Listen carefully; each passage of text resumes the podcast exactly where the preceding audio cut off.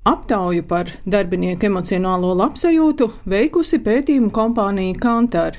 Uzņēmuma klientu vadītāja Santa Lazdiņa stāsta, ka vērtējot desmit punktu skalā, vidējais vērtējums ir 6,6 punkti, tātad gandrīz labi.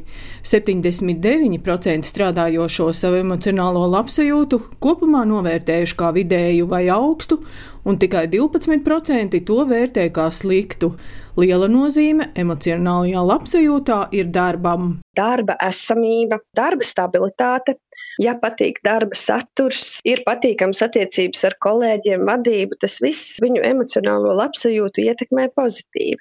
Bet kā negatīvi aspekti arī bieži tiek pieminēti, liela slodze vai turpretī pandēmijas ietekmē darba slodzes samazinājums, tiek pieminētas arī izdegšanas pazīmes un arī nestabilitātes sajūta par savu nodarbinātību. Arī, protams, atalgojuma jautājums parādās pie šiem negatīvajiem aspektiem.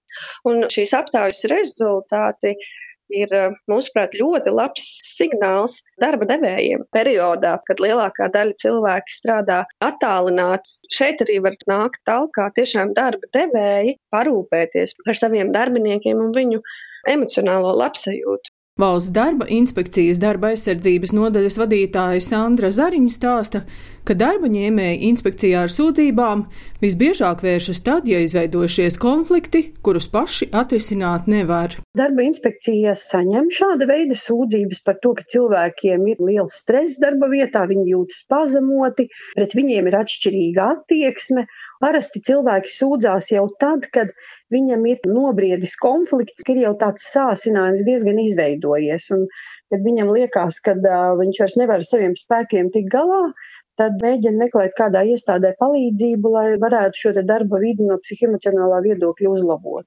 2019. gadā pēc darba inspekcijas pasūtījuma veica aptauju par psihoemocionālā riska faktoriem valsts pārvaldes un pašvaldību organizācijās. Vēl pēc gada veiktā aptauja liecina, ka uzlabošanās nav, situāciju negatīvi ietekmējusi arī pandēmija. Ir savstarpēja ļoti nospiedoša atmosfēra, ir slikta komunikācija, kad nepieciešams psiholoģiskais atbalsts cilvēkiem, ka šajā attālinātā darba periodā arī vadība ļoti bieži kontrolē, kā cilvēki strādā.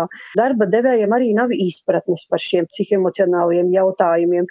Tieši vadības attieksme ir ļoti nepanesama, ka darba organizācija nepārdomāta ir izdegšana, kontrolas dēļ ir tāda kā nomāktība, nesaprotamas prasības, arī pieminēju šo te teritoriālo reformu, struktūrālās izmaiņas iestādē.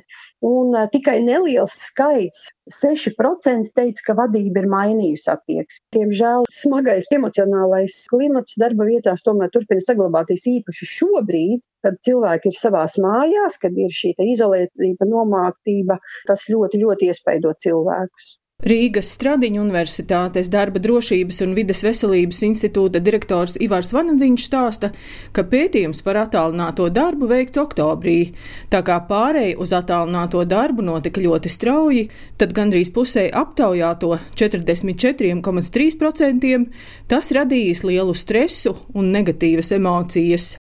Pirmajā vietā ir tās pašas sūdzības par trauksmu stresu. Nu, cilvēks ir stresā vai izjūt nemieru, viņš ir saspringtāks tas automātiski noved pie lielāka skaita arī tāda ergonomiska problēma. Tiem muskuļi ir sasprindzinātāki. Un otrs, ko, protams, mēs redzam, kad ir um, ļoti laba situācija tajā, kas attiecās uz tādām programmām, IT atbalstu, datoru tehniku un tam līdzīgi, bet uh, ļoti slikta situācija savukārt ir tajā, kas attiecās uz darbam ar datoru piemērotiem galdiem un krēsliem. Tas ir tas, par ko visvairāk arī cilvēks sūdzās. Un kas ir tas interesantākais?